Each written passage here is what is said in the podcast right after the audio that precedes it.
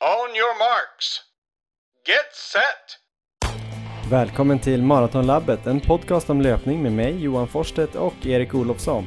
I det här 87 avsnittet intervjuar vi en av Sveriges bästa löpare, Emily Forsberg, och så blir det race reports från både SM i halvmaraton och Salomon 27K.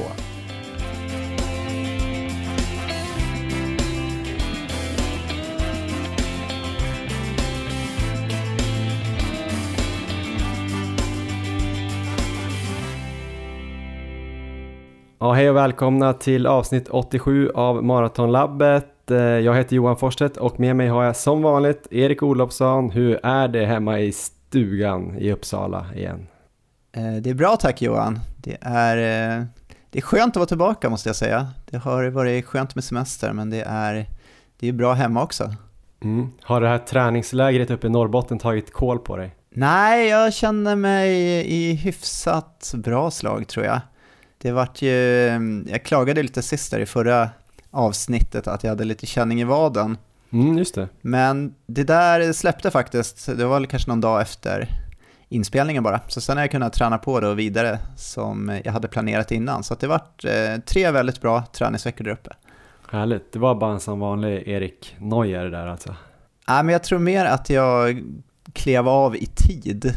För det var ett pass där jag verkligen hade känning, men då bröt jag på en gång och sen så sprang jag lite lugnt några dagar. Så att jag, jag tror nog att jag, det var nog bra att jag inte pressade för hårt där på det passet där jag började få känningar. Så att eh, ja, men det, det, går, det går nog efter planen får jag säga ändå. Hur är läget själv nu efter all bergslöpning som du har gett dig på på slutet? Mm.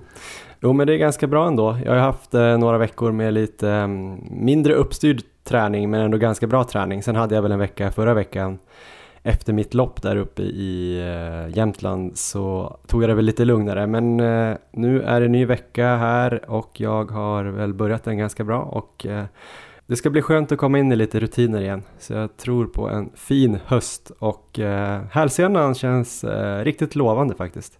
Härligt! Ja, det här är alltså ett avsnitt som kommer innehålla två olika race reports. Det kommer vara Eriks SM-lopp i halvmaraton på Formel 1-bana och så kommer det vara mitt eh, lopp uppe i fjällen på en liten annan typ av bana, alltså i fjället över bergen på 27 kilometer. Eh, vi kommer också ha en eh, väldigt trevlig intervju med Emelie Forsberg en av Sveriges bästa löpare. Hon har ju varit den bästa svenska bergslöparen länge. Eh, nu är hon på väg tillbaks efter förlossning och eh, också fascinerad över hur stor hon är på Instagram, Erik. Eh, 291 000 följare. Oj, det är väldigt många. Hur många maratonlabbet är det? Det är jättemånga. Jag kanske har 291 följare själv typ. ja, det känns mer lagom. kan man vara lite mer Ja. privat. Men jag tänkte, vi kanske ska börja med en race report och jag tänker att SM-klass alltid går först. Så du kan ju börja lite grann. Du sprang ju då eh, SM i halvmaraton nere på Anderstorp, en Formel 1-bana utanför Gislaved. Har jag rätt så här långt? Ja, men det stämmer. Hur kom det sig att du fick plats i SM, Erik? Jo, det var ju för att jag sprang där i Uppsala ett maraton. Det hade varit målet länge att springa under 2.39. Och det var egentligen för att kvala in i SM i maraton, men det var ju tydligen till halvmaraton också. Okej. Men när vi släppte förra avsnittet, då visste jag ju faktiskt inte om att jag skulle springa det här SMet, utan det vart klart eh, strax efter. Och då var det väl cirka en vecka kvar till loppet ungefär. Mm. Jag hade ju anmält intresse, så jag visste ju att eh, om det då eventuellt skulle bli så att jag skulle få plats, eh, för det var ju begränsat då till 40 deltagare. Eh, men jag visste att om jag får plats då så har jag i alla fall en biljett hem från Norrbotten kvällen innan loppet. Och eh, SM i halvmaraton skulle egentligen ha varit Göteborgsvarvet då, men när det blev inställt då så blev det ju precis som du berättade här, Scandinavian Raceway i Anderstorp som blev platsen då som höll det här loppet. När kom de på att de skulle köra det där istället då? Var det sent? Ja, jag fick väl höra om det ett par veckor innan bara. Eh, Så att jag tror jag anmälde intresse där om det var kanske tre veckor innan loppet skulle bli av eller något sånt där. Så att det var ju ganska tätt inpå. Mm. Men hela det där upplägget med Formel 1-bana och liksom SM-debut och allting, det kändes, för mig kändes det bara, det här är för roligt, det här måste jag bara göra om jag får chansen. Så att eh, jag tog mig ner där från Norrbotten och sen så satte jag mig i bilen och åkte sex timmar i bil där på onsdagen, så det var kanske inte den optimala uppladdningen när man skulle springa. Var det samma Det var dag start alltså? där vid, ja visst, det var start halv sju Jaha. på kvällen. Oh. Så att det var många timmar i bil innan, men eh, kändes ändå okej. Eh, det var ju ett väldigt eh, bra startfält då såklart, så Mustafa Mohamed var med, Mikael Ekvall med flera, Charlotta Fogberg på damsidan. Och jag hade skrivit en del på Instagram innan loppet där med eh, Kristoffer Hiding som också skulle vara med och springa. Maratonfarsan. Maratonfarsan, precis. Vi har ju här i podden tidigare med all rätt hyllat hans eh, fenomenala pannben och förmåga att ta ut sig. Och det var ju Hiding som gav oss det här tipset, det här briljanta tipset att örfila oss själva i slutet av loppet för att få adrenalinpåslag. Något som, eh, något som du har provat redan. Mm. Ja, jag blev jävligt Eh. snabb. Det var väl, det räckte ungefär 100 meter, men det räckte för att ta Ja. mig i mål den gången. Ja, det var en stark avslutning där på stadion. Men eh, han hade i alla fall varit sjuk där några veckor innan, eh, samt att han faktiskt, tror eller ej, hade brutit ett 5K-lopp några dagar innan SM. Så han gick ut där på Instagram och så här ifrågasatte sitt eget pannben om han hade liksom tappat sin superpower där. Men vi hade väl, eh, på förhand hade väl ungefär samma måltider, så det kändes väl som möjligt att vi skulle kanske kunna hjälpas åt där i början av loppet i alla fall. Han är ju normalt sett snabbare än mig. Men eh, där uppe, jag kommer ihåg där uppe i Norrbotten sista veckan när jag då visste att jag skulle springa SM, att jag då sprang där på grusvägarna och visualiserade framför mig hur jag fightades med Hiding ner över upploppet på SM, så det var liksom så här min mentala målbild. Hade ni någon så här uppgörelse om att ni till och med skulle kunna ge varandra bitch slaps om det behövde? alltså ör, örfila varandra lite grann på slutet? Nej, det hade vi inte, Eh, men det, det kan ju bli kanske någon framtida grej. Mm. Vilka farter hade ni tänkt att hålla då? Eller vilken tid satsade ni på inför loppet? Ja, men det var väl snack lite kanske en 12, en 13 däromkring. Okej. Sen så var man ju lite osäker kanske på förutsättningarna, hur de skulle vara. Det var ju, väderprognosen såg ju minst sagt oroväckande ut på förhand. Hur såg förutsättningarna ut då när du kom ner? Berätta lite om banan och vädret och sådär. Ja. ja, men banan det var att man sprang då fem varv på en fyra kilometers bana.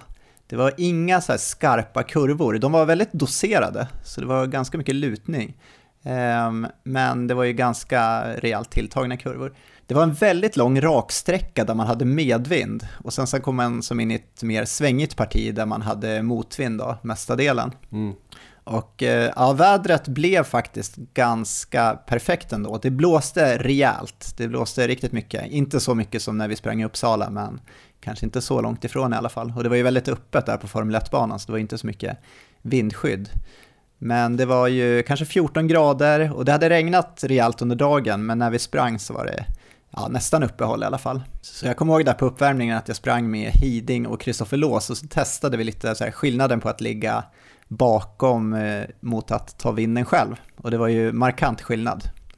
Så jag insåg väl där kanske innan loppet också när jag pratade lite med lite olika folk om vad de siktade på att, eh, att de flesta nog siktade på tider som var lite snabbare än vad som var rimligt för mig. Eh, Hiding pratade om låga 1.12 där och det var många andra som siktade under 1.12. Så att jag hade lite så här eh, funderingar innan start och jag var ju samtidigt inte så sugen på att liksom göra allt jobb själv i motvinden. För det kändes ju som att det kan bli ännu jobbigare än att ligga med någon klunga som springer lite snabbare. Så att eh, beslutet jag tog i alla fall på förhand var att eh, jag får nog gambla idag och sen så får jag försöka hänga på några från början i alla fall och sen får det hålla så länge som det går. Mm. Så eh, ja, men vi kör då. Starten eh, går och det blev som ett långt tåg då som snart sprack upp i små grupper. Vi började springa så här i motvindsdelen och jag hamnade ju sist, eller i alla fall bland de sista. Men jag märkte ganska snabbt där att det ändå blev en rätt stor klunga där bak, så vi var kanske ja, men ungefär åtta stycken som hamnade i samma tempo där. Eh, så jag låg ju längst bak där i motvinden, men eh, fick ju väldigt bra vindskydd. Eh, så efter kanske två kilometer så går vi ut på den här raksträckan med medvind för första gången. Och då började verkligen folk ösa, så att det blev en riktigt rejäl farthöjning. Så när vi kom in i motvinden igen, då gick farten ner ganska rejält. Folk började söka ryggar. Så genomgående i hela loppet så var det ju betydligt lättare att springa i motvinden än i medvinden. I alla fall där jag låg, för att eh, medvinden så vart det, varenda varv vart det liksom rejäl fartökning. Men eh, där, när vi kom in i den här svängiga motvindsdelen så pulsen gick ner något i alla fall. Jag kände att jag kunde återhämta mig hyfsat. Eh, det gick ju ändå så pass snabbt att det var liksom inte aktuellt att jag skulle gå upp och dra eller göra något jobb där, för då tror jag hade jag sprängt mig på en gång. Men om vi hoppar fram till kanske halvvägs då, så hade jag ändå en ganska positiv känsla. Vi låg kvar i den här klungan, sju, åtta stycken tror jag. Det var ju jobbigt, men eh, pulsen var inte superhög, utan jag kände att det här ser ändå ganska lovande ut tyckte jag. Eh, jag körde på med samma taktik där, att bara försöka hänga på i medvindan och sen så spara så mycket energi som det nu kan vara möjligt att göra där i motvinden och bara låg och försökte hitta ryggar. Det vart liksom, det vart något att tänka på också där i motvindsdelen, att man försökte bara få så lite vind på sig som möjligt. Men vad hade ni sprungit på för tider fram dit då? Vad hade ni på 5 och 10 och, och halva och sådär? Ja, man blev lite lurad för att eh, mina tider visade mycket fortare än vad det sen visade sig att det hade gått. Så att jag fick ju kilometertider som var väldigt snabba. Så att jag trodde att vi låg och sprang riktigt fort. Så när jag kollade på 10 kilometer på min klocka, då tror jag vi låg under 34, kanske på så här 33,50. Men sen så sprang vi på ett tag och efter ett tag så passerade vi en 10 km passering och då låg vi kanske på 34,5 vilket ju var mer rimligt mot vad jag satsade på i början. Ja. Ehm, och då var det många som kommenterade det också, så det var, det var flera som hade liksom fått fel tider dit. Vid 10 så fick man ändå en, då visste jag ungefär att vi låg där på 34,5 så det kändes ändå, även om jag hade ett tag trott att det gick ännu snabbare så kändes det ändå som att ja, men det, här blir, det här är nog ett bra upplägg. Så det är 3.27 fart?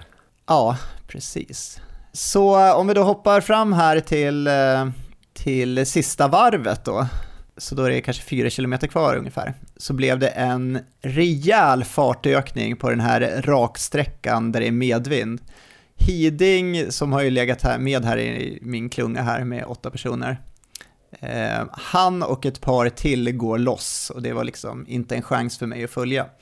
Så jag bara försöker kämpa där allt jag har för att jag ska eventuellt få någon rygg i alla fall där mot slutet när vi ska in i den här motvinden igen. Mm. Eh, så att jag får jobba riktigt hårt där, men det är några som går ifrån och jag låg verkligen på gränsen för att liksom lyckas hänga på. Men eh, när vi kommer dit in i motvinden igen, då är det kanske 2,5 kilometer kvar, eh, så har jag ändå några ryggar, men jag slet ju riktigt, riktigt hårt där.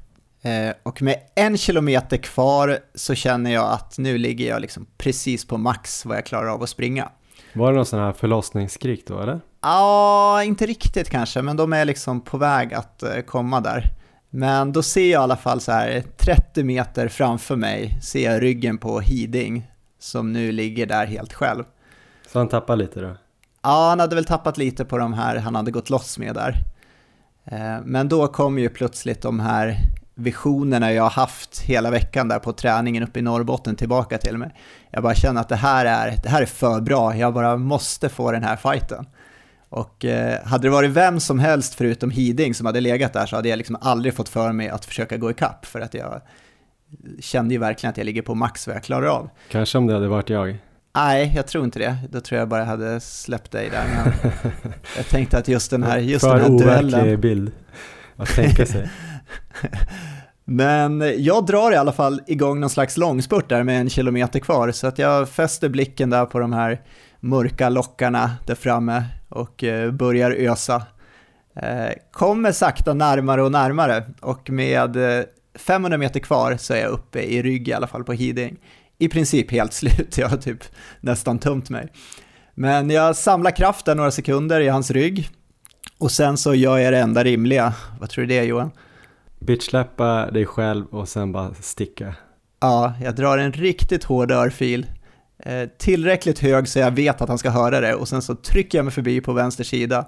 Och jag känner ju att när jag gör det här att det där, det där kommer jag få betala för. Men det kändes bara, det kändes, det kändes för roligt för att inte göra. Så sen tar det i alla fall ungefär två sekunder så hör jag bakom mig två stenhårda örfilar. Och sen så kopplar han på någon slags så här, avgrundsvrål och kommer störtande förbi mig på vänster sida. Han skrek sig fram. Ja, gud, alltså det var ju, det var nästan lite så här, så höga vrål att det blev lite så här demoraliserande. Att jag kände, innan kände jag att så här att fan, jag ligger på max, jag, jag tar i typ allt jag har och sen när han kommer störtande med de där vrålen så kändes det som att jag typ, jag tar ju knappt i. Så där, det är ju så där det ska låta. Men jag kände i alla fall att jag kan inte vika ner mig så här lätt. Det var väl 400 meter kvar i alla fall, så jag biter mig fast i hans rygg, eh, kopplar på mina egna vrål som ju inte är i närheten av avgrundsvrålen, men eh, kämpar i alla fall. Och eh, vi går in på upploppet. Det är väl en 200 meter kvar. Jag ligger där bakom honom och bara samlar sig kraft för en sista attack. Och till slut så går jag ut, jag drar en till örfil och sen går jag ut på sidan om Hiding och sen så öser jag allt jag har. Tekniken är så helt borta, jag bara sluggar. Så att eh, vi springer där då på upploppet med 150 meter kvar, sida vid sida, vrålar, slår oss själva i ansiktet och så här fullkomlig desperation för att inte ge sig. Så det var, eh, plötsligt så är jag ju precis på den där platsen där jag har liksom visualiserat innan. Eh, så det var, en, ja, det var en fantastisk känsla helt enkelt. Och med 100 meter kvar så känner jag så här plötsligt att ja, fan jag har honom. Jag kommer ta den här spurten. Och i samma ögonblick som jag får den tanken så eh, lägger han in någon slags sista fartökning där och jag har ingenting kvar att svara med. Så eh, jag går i mål där på en 32 plats av 40 stycken. Nytt pers på 1.13.25 slutade det på, det var en sekund bakom Hiding. Så lägger mig ner på asfalten och så det enda jag hör där det är ju någon som ligger 10 meter bort och hyperventilerar och vrålar. Men nej, det var en helt så här magisk avslutning av loppet ändå måste jag säga. Men tror du att du missade spurten just för att du eh, tänkte där att nu har jag det? Att du tappade den lilla, sista lilla extra växeln där eller var det bara för att han hade, mästaren hade ännu mer att ge där? Nej, jag tror alltså, jag tror eh, mästaren vann. Jag tror helt enkelt inte jag har riktigt det, det pannben, pannbenet ännu i alla fall. Men nej, jag, jag känner mig bara så nöjd att jag, fick, att jag tog kampen där på slutet, att jag tog mig liksom fram och fick den här fighten. Mm. Um, och uh, jag måste säga att så här, efter målgång och sådär, jag känner mig nästan, det känns som det var det optimala slutet på något sätt. Att, uh, att han ändå tar det. Finns det här på något sätt att se på internet, den här uppgörelsen? Tyvärr så verkar ju inte upploppet komma med på streamen för att vid det här laget då fullt förståeligt så hade de börjat fokusera på damloppet. Aha. Men eh, vill man ändå få någon slags känsla för hur det såg ut och kan ha låtit så har Kristoffer Hiding då lagt ut en film på sin Instagram, den som du skrev, eller som du sa förut heter Maratonfarsan. Och den är filmad kanske så här två minuter efter målgång, men då ligger han fortfarande där på asfalten och avgrundsvrålar. Uh, och jag är uppe, jag låg en bra tag på asfalten, men då är jag uppe och går på den filmen, så då, ja, då kan man få lite känsla över hur det här lät i alla fall. Men jag önskar filmen hade, jag önskar upploppet hade funnits på film. Mm. Det var lite synd där, det var jättebra sändning, jag gick in och kollade där på Facebook, ja. var på Svensk Friidrott, och det var ju ganska seriöst filmat och eh, två kommentatorer som ja, hade rätt bra koll och sådär. Men de följde ju verkligen bara täten och det är också fullt ja. förståeligt för eh, kanske den breda massan, jag vet inte. Men det hade ju varit så kul om man hade kunnat haft en annan kamera eller något som åkte ner och, och eh, liksom skiftade fokus lite på lite andra små uppgörelser och hade man bara fått höra den här berättelsen om Kristoffer Hiding med bitchslapsen mot eh, poddaren Erik Olofsson så hade ju nog gemene man blivit intresserad av den duellen också oavsett om ni kom liksom 8-10 minuter efter vinnaren så hade ju det ja. varit minst lika intressant att se. För den där eh, målgången lät ju mycket mer intressant än, än hur det blev i eliten, även om de eh, var tre stycken där som kampade länge i slutet. Ja, eh, det hade ju varit kul, men det var målande berättat, så att jag har det ju ändå på min näthinna nu. Härligt. Ja, men det var en riktigt rolig dag och efter loppet då så hängde jag ju kvar där och kollade på damloppet som ju också var ett väldigt spännande lopp där. De, där blev det en tätklunga på sex stycken starka damer. Och stort jobb där i farthållningen gjorde ju Linnea Sennström som tog massor av vind och sen eh, otroligt starkt ändå lyckades hålla till silver. Den här klungan låg tillsammans fram till eh, sista varvet ungefär och där stack Charlotta Fogberg iväg och tog guldet en bit före Linnea som tog silver och sen så var det en mycket dramatisk spurt där mellan Johanna Bäcklund och Charlotte Andersson där den senare då gick vinnande och tog hem bronset. Så det var, det var kul också att hänga kvar och kolla på det. Mm. Men nog från SM i halvmaraton, nu ska vi lite norrut här.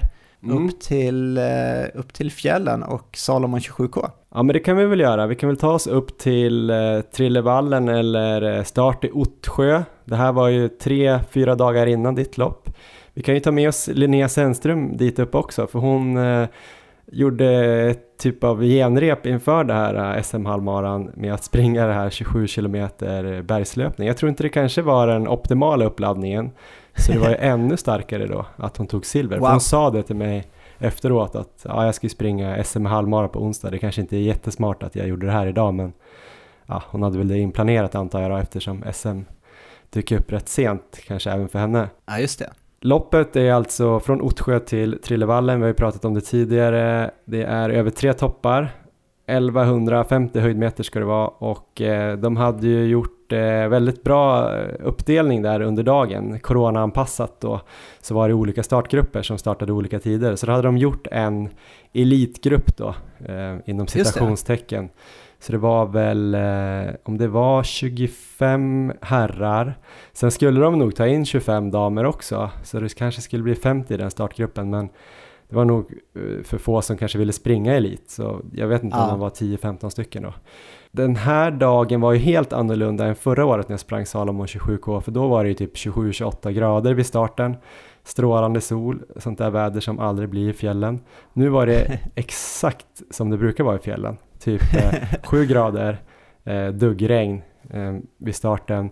Det hade regnat hela veckan och dagen innan hade det typ regnat en meter. Hade du varit och sprungit längs banan någonting innan så du visste ungefär vad, vad som väntade? Nej, jag var ju i Stockholm veckan innan eh, där en sväng. Jag hade ju varit uppe och sprungit veck- alltså föregående vecka och då hade det varit helt okej faktiskt i, i fjällen. Eh, lite småblött men absolut inget eh, speciellt. Sen såg jag i prognosen och förstod att det skulle bli blött. Men jag tror inte att jag hade riktigt eh, förstått hur blött det skulle vara. Framförallt i skogen då på väg upp på kalfjället. Uppe på kalfjället var det ju absolut bättre, där rinner det ju undan. Men i skogen var det ju liksom lera upp till anklarna och ibland högre. Oj. Hur var det, hade du gjort ett bra skoval på förhand? Ja, jag tror ändå att eh, jag hade gjort ett okej val. Jag hade, mitt, sista, mitt sista hårda pass här i Stockholm var i Hammarbybacken och då hade jag faktiskt med mig en ryggsäck med tror jag, tre, fyra par skor och så sprang jag dit i ett par skor och så körde jag lite backintervaller och bytte skor då. Så det var kanske inte ett jättehårt pass men själva intervallerna var rätt hårda. Upp och sen tryckte jag på ner för att känna på fästet. Då var det ju liksom 22 och torrt här. Ja, Så jag blev lite osäker. Men precis innan jag åkte upp så hittade jag i källaren ett annat par skor faktiskt. som jag inte hade hittat innan. Eh, med dubbar. du har en sån här skokällare va Johan, ungefär som andra har vinkällare. Ja, lite som... där eh, ja, dels det och så lite som Joakim von Anka, ett sånt stort valv med skor som jag kan Badar. bada runt i. Det är lite ofräscht eftersom det luktar lite surt efteråt. Men, ja, nej, men då hittade jag ett par som jag tyckte var jättesköna när jag satt på mig dem. Och så här, jag brukar springa orientering med dem. Det är inte de absolut tunnaste, men de är väldigt eh, ja, lite enkla sådär, men också ståldubbar då. Så jag tänkte att jag skulle få bra fäste. Nu ska väl man väl säga att man skulle nog haft ett par skor som var bra för lera. För att eh, de där dubbarna gjorde ju inte så mycket när det var lera. Däremot när man sprang på lite ställen där det var blöt sten, alltså och sen så här spångar eller spänger, alltså träplankor som ligger över, då var det skönt att ha de där dubbarna för då kunde jag trycka på. Eh, jag vet inte om folk var lite försiktiga där. De varnade innan där att de här spängerna kunde vara rätt hala, att man skulle vara försiktig. Så jag tror ändå att det, det var bra. Jag förlorade i alla fall ingenting på det.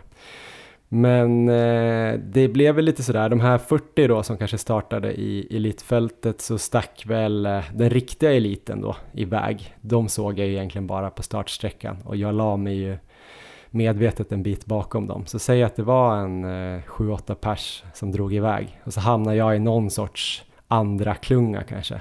Ja, och det var då jag efter ett tag, eh, det går ganska mycket upp för rätt snabbt. Och då märkte jag att jag hamnade där med Linnea. Först så var jag lite för fokuserad på loppet för att riktigt placera henne. jag kände igen henne jättemycket. Ja. Men det tog ett tag innan jag liksom eh, pusslade ihop det. Hon var ju med där på det här blåsiga Uppsala-loppet när jag sprang halvmara du Mara där som vi pratade om tidigare. Ja, precis, som sprang i klungan med oss då, Ja, nästan hela vägen. jag känner igen henne, jag känner henne ju inte. Men, eh, men då började jag fatta efter ett tag vem det var. Men det var, det var speciellt, hon var väldigt stark uppför och eh, sen så hade jag väl lite bättre fart på platten och utför. Så eh, jag vet inte hur mycket jag ska berätta om det här loppet men eh, det kändes ju bra uppför första där och sen var det det där riktigt leriga då på platten och utför. Så jag tror man tappade en del jämfört med i fjol. Alltså i, på platten och utför för man kunde inte riktigt springa på lika hårt eftersom det svarar ju liksom inte. Det var ju som att springa i en sån här mjukmatta som man gjorde på mellanstadiet på, eh, på eh, idrottslektionerna. Eh, Men dessutom var det halt då, så jag vet inte om du kan tänka dig hur det var att springa. Det låter fruktansvärt. Ja, men jag lyckades faktiskt vända det tror jag mentalt till något positivt. För jag tänkte då så här, det här passar ju ändå mig hyfsat, tänkte jag. Och så började jag ta fram mitt inre barn. eh, Att jag tänkte så här, det är ju kul att plaska runt i det här. Plus att Ja. när man springer orientering så blir man lite van att bara kuta rakt ut eh, den närmsta vägen man vill komma ofta. Så då springer man ju över lite myrar och sånt där som är riktigt blött och över bäckar och sånt. Och så tänkte jag på Tove då att det måste varit nästan optimalt för henne. Alla fall relativt sett. Självklart skulle hon ju springa ännu snabbare om det var helt torrt. Men jag menar jämfört med Ja, de här det. andra bergslöparna så är hon verkligen van med den där typen av terräng. Men eh, så jag, jag var, sprang ganska behärskat för jag kände ju att i fjol fick jag så mycket krampproblem. Så jag tänkte på något sätt eh, trycka på utan att trycka på för mycket. Så det var ganska mycket så här på känsla. Jag hade inte pulsband eller så, utan jag gick väldigt mycket efter hur det kändes att springa och ganska mycket hur det kändes muskulärt. Så Ja. när jag skulle upp på första toppen, då gick jag ganska mycket och då var det några som, ja men de gick ifrån mig och då kom eh, Linnea där efter mig och började jaga mig uppför och hon var sjukt stark, hon gick typ, men hon gick kanske med någon så här frekvens, eh, stegfrekvens på typ 200, alltså jag har aldrig sett någon gå så med så snabba korta steg. Det var helt sjukt. Jag testade lite för att det såg så Ja. speciellt ut. Jag kunde absolut inte få upp den där frekvensen. Det måste vara något fel på min hjärna eller någonting. Men jag liksom lufsade upp där. Men eh, sen tänkte jag väl hela tiden att jag skulle vara stark utför och på platten och på slutet. Så eh, jag pinnar väl på där. Man har ju ingen koll riktigt på vart man låg eller så. Och det var egentligen två killar och eh, Linnea då, sista vad ska man säga, sista 16-17 kilometerna av loppet som jag i princip såg, eller som jag hade någon typ av tävling mot. Ja, just det. Var det en klunga eller låg ni helt ihop? Nej, Eller vi det låg hela tiden lite olika. Jag, det var två killar framför mig som, eh, där en gick om mig och plockade han som jag såg framför och sen försvann den här killen då. Och sen så låg den här andra snubben kanske 50 meter före. Sen kom Linnea, hon kom liksom ikapp mig i den här backen. Sen sprang jag ifrån henne utför. Och sen upp på nästa topp så då kom jag ikapp han som var framför mig. Eh, och så kollade jag bak så såg jag Linnea nästan ikapp mig, men inte riktigt. Eh, sen den här killen då som jag kom ikapp på toppen, då sprang han som en galning utför plötsligt. Och jag kände så här, jag måste nog spara mig lite för snart kommer det vara en myr eh, i typ 3-4 kilometer. Och den myren var i fjol liksom ingen myr alls. Då sprang jag och tänkte så här, när kommer den här myren? I år var det ju liksom, då var det alltså myr på riktigt. Ja, Alltså det var typ tre kilometer där man, förutom när det var spång då, så var det bara att man klafsade runt och försökte liksom springa väldigt mycket strategiskt och försöka sätta fötterna där det var lite mindre gegga. Så att man hittade så här smarta vägar i den här sörjan då. Jag vet inte om jag överdriver, men det var så här det kändes i alla fall. Eh, sen som sagt uppe på fjället och så där var det ju helt okej löpbart. Så. Men förra året när du sprang så fick du ju kramp. Ungefär när fick du kramp då och hur kändes det där i det här loppet? Ja men i fjol fick jag ju kramp eh, på väg upp för sista fjället eh, första gången jag började känna det när jag hade sprungit över den här myren och så vände det upp eh, och så är det nästan tre kilometer med en ganska brant stigning då totalt sett. Jag, kan, jag vet inte om det kan vara 10-15 procent eh, rätt länge. Då kommer jag ihåg att det började pirra i vaderna nästan i botten av backen. Och då har man ju en bit kvar och sen var jag tvungen att dra ner på tempot avsevärt på vägen upp och stanna och stretcha lite utan att det ordentligt slog till. Sen Ja. kom jag ju upp på toppen men när jag skulle börja springa då började det ju slå till ordentligt så jag kunde ju aldrig kuta och sen på väg utför så snubblade jag till och fick kramp i båda baksidorna och fick ligga och stretcha typ i två minuter. Då tappade jag ju liksom tio placeringar eh, från typ Eh, på vägen upp mot sista berget och i mål, vilket är ju 5-6 kilometer så tappade jag ju rätt jättemycket i fjol. Så i år var jag väl ganska noggrann med att inte trycka på allt för mycket förrän jag var uppe på toppen. Och eh, jag såg de här två killarna, det är så bra sikt på fjället så man ser ju dem, okej okay, men de har inte gått ifrån jättelångt fast jag har dragit ner lite på tempot. Och sen hörde jag ju bakifrån då så kom det någon liten trippande elva där. Eh, alltså det var lite som att se Therese Johaug trippa förbi Charlotte Kalla, om jag nu får jämföra mig med Charlotte Kalla. Men liksom lite mer kraft på mig kanske, men extrema lungor och lätta steg på Linnea. Men så plötsligt var jag ju uppe och hade så här visual på henne då. Det här låter ju skittöntigt att hålla på och tävla mot, mot henne kanske, men, men eh, man vill ju liksom ta så många som möjligt i loppet när man väl är i loppet. Och det var ju superbra att ha henne då och försöka jaga, för jag fick ju en riktigt bra fart då utför och kände att så här, det kommer inte slå till i år, de här baksida Ja. låren, utan jag kommer nog kunna trycka nu, vilket var så in i helvete roligt. För i fjol var jag så besviken att jag inte fick trycka på mitt bästa parti egentligen. Så nu Ja. kände jag ju direkt att jag sprang väldigt hårt och respektlöst och lite våghalsigt kanske.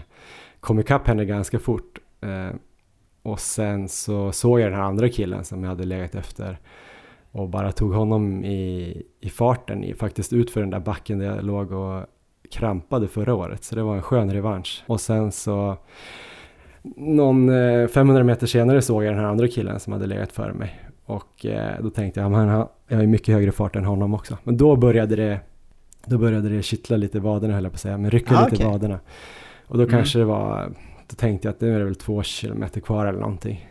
Så då tog jag det lite lugnare för jag ville inte, det var inte så viktigt att slå honom som att undvika att få kramp. Jag hade hellre fått stryk av honom och inte fått kramp. Hade jag fått kramp hade jag ju tappat de här andra som jag precis hade sprungit om och fått jättemycket sämre tid.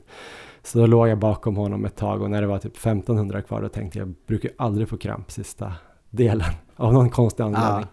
Det är väl mentalt också att man börjar närma sig att man... Det kände jag i, i Stockholm Marathon, när jag hade krampkänningar. Sista kilometern släppte allting, för då var det som att nu har jag, nu har jag fixat det, nu är det, bara, nu är det så lite kvar. Så då släpper det, blir som en mental spärr som släpper, tror jag. Ja, alltså jag väntar bara på den här extremt stora undersökningen om kramp där någon kommer fram till exakt eh, den här gåtan, vad den beror på och sånt där. För det måste ju vara kopplat till hjärnan på något sätt och signaler. Men eh, nu i det här loppet så lyckades du med den biten mycket bättre än vad du gjort tidigare. I, Ja. Dels i det här loppet förra året, men även andra lopp. Så eh, var det rent taktiskt att du liksom höll igen lite mer, eller kan det vara någonting du har gjort här i träningen nu under sista året som har hjälpt? Vad tror du? Nej, men jag tror att det är väl eh, både och såklart. Alltid något komplext svar tror jag. Eh, nej, men dels tror jag att jag har väl sprungit mer totalt sett eh, sen i fjol och sen så hade jag väl en bättre uppladdning inför loppet.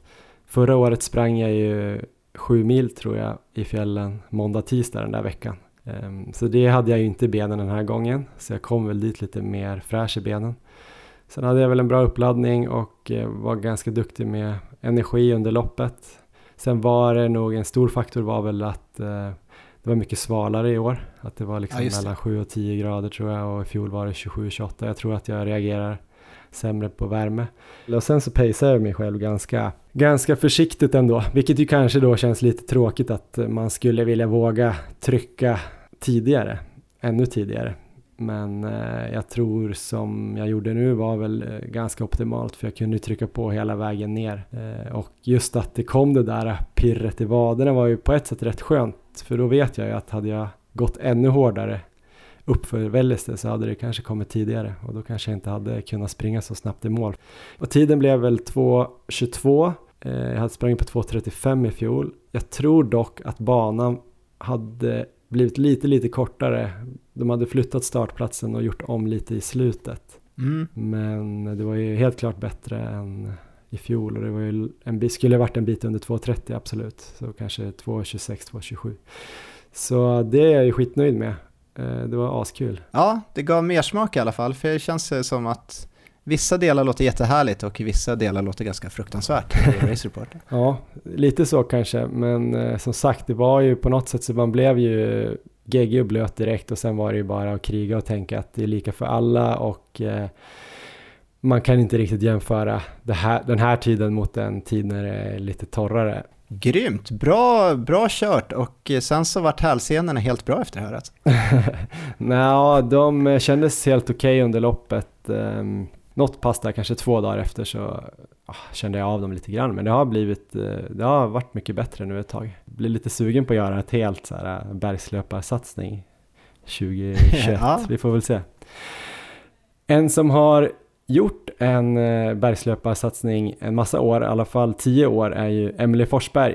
Eh, en av Sveriges bästa löpare och hon var ju absolut den bästa svenska bergslöparen länge. Nu har hon ju varit på väg tillbaks eh, till löpningen och sådär efter en graviditet och förlossning av sin dotter Maj som hon fick då i mars förra året. Ehm, vi har fått en pratstund med Emily och vi kör den nu tycker jag. On your marks. Get set! Ja, då vill jag välkomna Emily Forsberg till Maratonlabbet. Äntligen som gäst här. Hur känns det att vara med i Maratonlabbet? Ja, men tack. Det känns jätteroligt att vara med här. Tusen tack. Jag tänkte just nu i coronatider är det svårt att hålla koll på hur det går för olika löpare runt om i världen om man inte har daglig insikt. Hur är läget och formen för Emelie Forsberg? Ja, precis. Det är ju jättesvårt för alla löpare att veta hur formen är egentligen om man inte har sprungit någon tävling eller så, om man inte litar enbart på känslan. Eh, och, eh, men eh, sista eh, form, eh, eh vad säger man, formkvittot jag hade var väl egentligen eh, en Skimo världscup nu i februari och innan dess var det ju ja, jättelänge sedan, graviditet och ja, så ja, det var väl då, men det var eh, speciellt eftersom man har inte kört en världscupstävling på två år så eh, man tappar väldigt mycket eh, rutin och speciellt på utförkörningen. Så det var det sista, mm. sista jag hade innan det här. Men annars då, där hemma i, i Måndalen i, i Norge, där nära Åndalsnäs. Du har väl säkert dina specialrunder där som du kanske har lite koll på hur du brukar ligga till på. Hur har det sett ut på träning? Ja men precis. Jag har en favoritrunda på den halvmara med 1000 höjdmeter så den brukar jag springa lite då och då. Det, ja, men jag ligger väl ungefär eh, det är, det är inte alltid som jag liksom pressar max där, Nej. men när jag ligger i ett behagligt tempo så ligger jag på ja, men ungefär samma som när man är i bra form. Sen är det så himla stor skillnad om man gör en vertikal eller om man springer en ultra eller om man, du vet hela det spektrumet är ju mm, svårt att veta. Jag har inte kört någon riktig så här testträning eh, när, när man kan mäta mer så här hjärta-lunga. Det finns en del sådana som jag har också som man kan köra som jag kör med stavar. Och det har jag inte riktigt gjort, utan jag har mer, eh, ligger mer på som grundträning nu skulle jag säga. Speciellt efter graviditeten känner jag att jag bara behöver bygga upp. Just det. Men annars då? Vi kommer till graviditeten eller barnafödande och hur du har kommit tillbaka snart. Men jag tänkte mm. spännande där, men när liksom, du har varit i form tidigare eller de här testerna, hur gör du då? Kör du med pulsklocka och, eller känsla att du gör vissa vertikaler eller det där med du sa med stavar och så? Ja men precis, nej jag kör bara på, eh, på tid då, så ser jag mm. eh, vad jag har gjort förut och sen utgår jag från ja, men hur, hur känslan var då. Eh, se om det är snabbare än vad jag gjort förut eller om det är ungefär lika. Och... Men eh, du fick ju ditt barn maj, var det i mars 2019? Ja men precis, hon är 15 månader nu. Hur har det varit för dig att komma tillbaka till löpningen och idrottandet efter det? Jo, men det, det gick väldigt snabbt skulle jag säga. I, för lite kortare tävlingar, jag eh, körde ju någon kortare också, så hade jag ju helt okej okay tider. Mm. Eh, jag kom tillbaka, ska vi säga, fyra månader efter kände jag att jag kunde träna ungefär som jag ville. Eh, och så kom jag i form ganska snabbt och sen gjorde jag en del längre dagar i Himalaya. Jag gjorde några fem och sex tusen meters toppar där som ja, men det blev lite droppen över i Dels att jag hade tränat så enormt hårt inför en tävling jag skulle köra i, i Chamonix. Så efter det så gick jag verkligen in i väggen. Jag har varit nära att toucha väggen förut. 2013 mm. var jag väldigt nära. Men det här var verkligen, jag kunde inte träna två, på två månader efter det. Så det var, jag, jag tror att jag gjorde helt enkelt för mycket i början av, eh, efter graviditeten. Då. Det, det är så lätt att se i efterhand vad man, vad man har gjort och inte gjort. Anta att det var en ny situation ju, eller det var ju en ny situation, du hade ju aldrig fått ett barn tidigare, men var det liksom att du gjorde saker som du kunde göra liksom åren innan? Eller var det att du gjorde för mycket för snabbt för att du ville komma tillbaka för snabbt? Förstår du vad jag menar? Ja, men precis. Nej, men det var, um, jag visste ungefär tidigare att jag behövde, eller hur jag tränar för att känna att jag kommer i form. Mm. Så då hade jag fyra veckor när jag tränade väldigt mycket, 20-25 timmar. Och sen när man ammar och man, man sover inte hela nätter och du vet, man har varit, det är en sån stor omställning, ha en fem månaders liten bebis och innan dess. Och jag tror att man går lite, eller väldigt mycket, jag gick nog väldigt mycket på adrenalin och att jag hade överskottsenergi, men det fick jag verkligen betala för. Dels att jag också gjorde de här 20-25 timmars veckorna mm. eh, och sen for till höjden och pushade på där också. Det blev för mycket, eh, även om det inte skulle varit för mycket förut. Och just i stunden kändes det bra, men jag förstår ju nu att det, ja, ehm, det var för mycket liksom. Mm. Du har annars haft ganska få skador och sådär och eh, överbelastningar som jag förstår det när jag har läst på om dig. Har du något system eller någonting du brukar mäta eller har du några varningssignaler när du vet att du ska dra tillbaka? Ja, eh, hmm. egentligen inte eftersom jag är så mån om att inte bli skadad, eller jag ska säga. Att jag, är, jag är väldigt duktig på att känna liksom vad, som är, vad som är bra och vad som blir för mycket. Eh, det är väl egentligen mer att jag känner det här att jag har lite svårt ibland att, men att när jag känner att det gör för mycket och det handlar nog inte bara om träning utan det är mer om återhämtning. När jag känner att nej men nu, nu måste jag trappa ner på det här för jag gör ganska mycket på sidan om eh, min idrottsliga karriär också. Så när jag känner att den balansen, det är nog mer att jag jobbar med det och försöker konstant vara i balans i livshjulet eller vad man ska säga. Mm. Jag förstår. Ja, du jobbar både på gården och skriver böcker och gör ja, mat, höll jag på att säga. Ja, men precis. Energibarer och gott. Jo, jo, men precis. Så det finns ju en del att göra. Liksom. Så jag försöker att eh, hitta en balans i, i allt. Och det är ju som sagt eh, lösning och skriva som jag, det är det jag lever främst på. Men jag tycker om alla andra delar i, i livet också som, som skapar en balans. Men eh, när du tittar tillbaks på den här tiden då förra sommaren när du gick lite för hårt, kan du då se liksom varningssignalerna eller klock, varningsklockorna som du borde ha reagerat på? Nej, det är det jag inte riktigt kan. Eh, för att det kändes så bra i stunden och det är ju lite läskigt. Eh, men jag vet att jag var väldigt här, försiktig. Eh, Ida som jag har eh, mm. bland annat Moon Valley med, hon, eh, vi jobbar ju en del med ja, men Moonvalley-märket. Då. Mm. Och då hade jag sagt, frågat Ida om hon kunde ta, ta två månaders jobb för mig. Eh, och det gjorde jag för att jag tänkte att eh, det blir för mycket annars. Så det var ju det jag gjorde. Men annars så tycker jag att det, allt kändes så bra. Så det är ja, lite skrämmande. Så jag vet inte riktigt. Ja, jag såg ingenting komma. Jag fattar.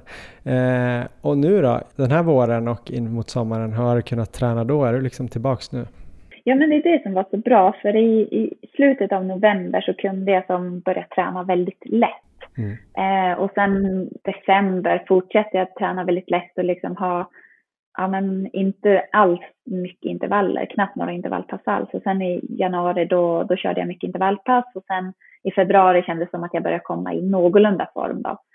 Eh, och sen efter det har det ju, då har det varit så här, oj, en, flera månader öppen öppet av träning utan några tävlingar att sikta på. Så då har jag ju främst bara tränat på liksom och det, det känns jättebra att inte behöva tänka så mycket utan man bara gör träningen. Mm. Alltså många bergslöpare kan ju framställas lite så här som eh, nästan som naturbarn eller talanger bara, eller vad man ska säga. Och kanske framförallt mm. du har väl gjort det och du kanske är det också. Men hur mycket är talang i bergslöpning och hur mycket är liksom hårt arbete och strukturerad träning?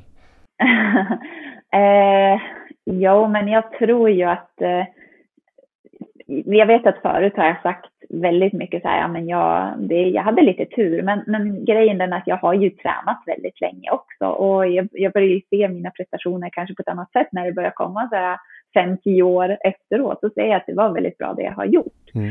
Eh, och det är ju för att jag har tränat liksom. Det, eh, men jag har alltid tränat, eller jag tränar ju oftast på lust och det har jag gjort så himla länge även innan jag började tävla. Och det är nog det som, som kanske en del, det kan, jag vet inte om det sticker i ögonen på folk om jag säger att det är så himla roligt att träna. Ibland tänker jag inte att det är träning, jag vet inte. Eh, men jag tror att vissa har ju talang för att komma i fysisk form, så är det ju. Och vissa måste bara jobba lite mer mm. för det. Eh, så det är, nog, det är nog lite både och.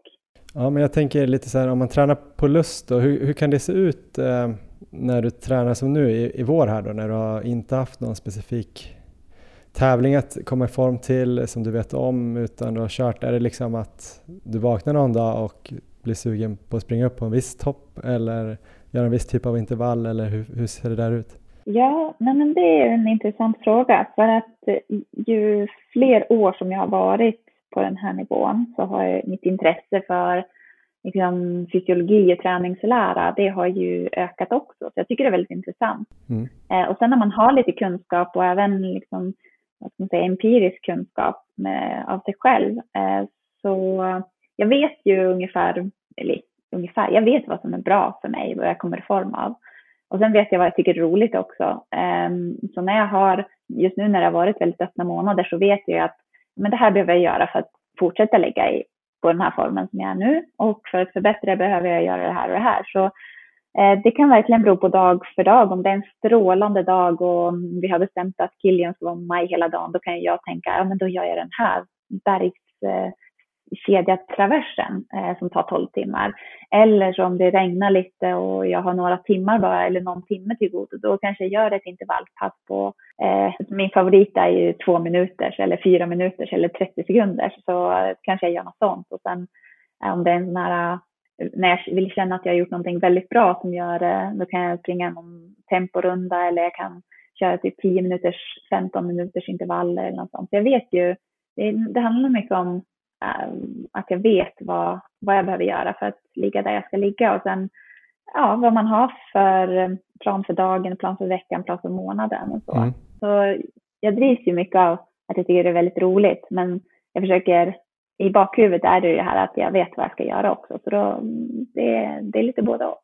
Men eh, hur kommer du i form då? Du sa att du visste nu efter några år hur du kommer i form. Beror det liksom på vart du står och vad du saknar eller är det alltid liksom, ja det här behöver jag göra? Och vad är det i sådana fall?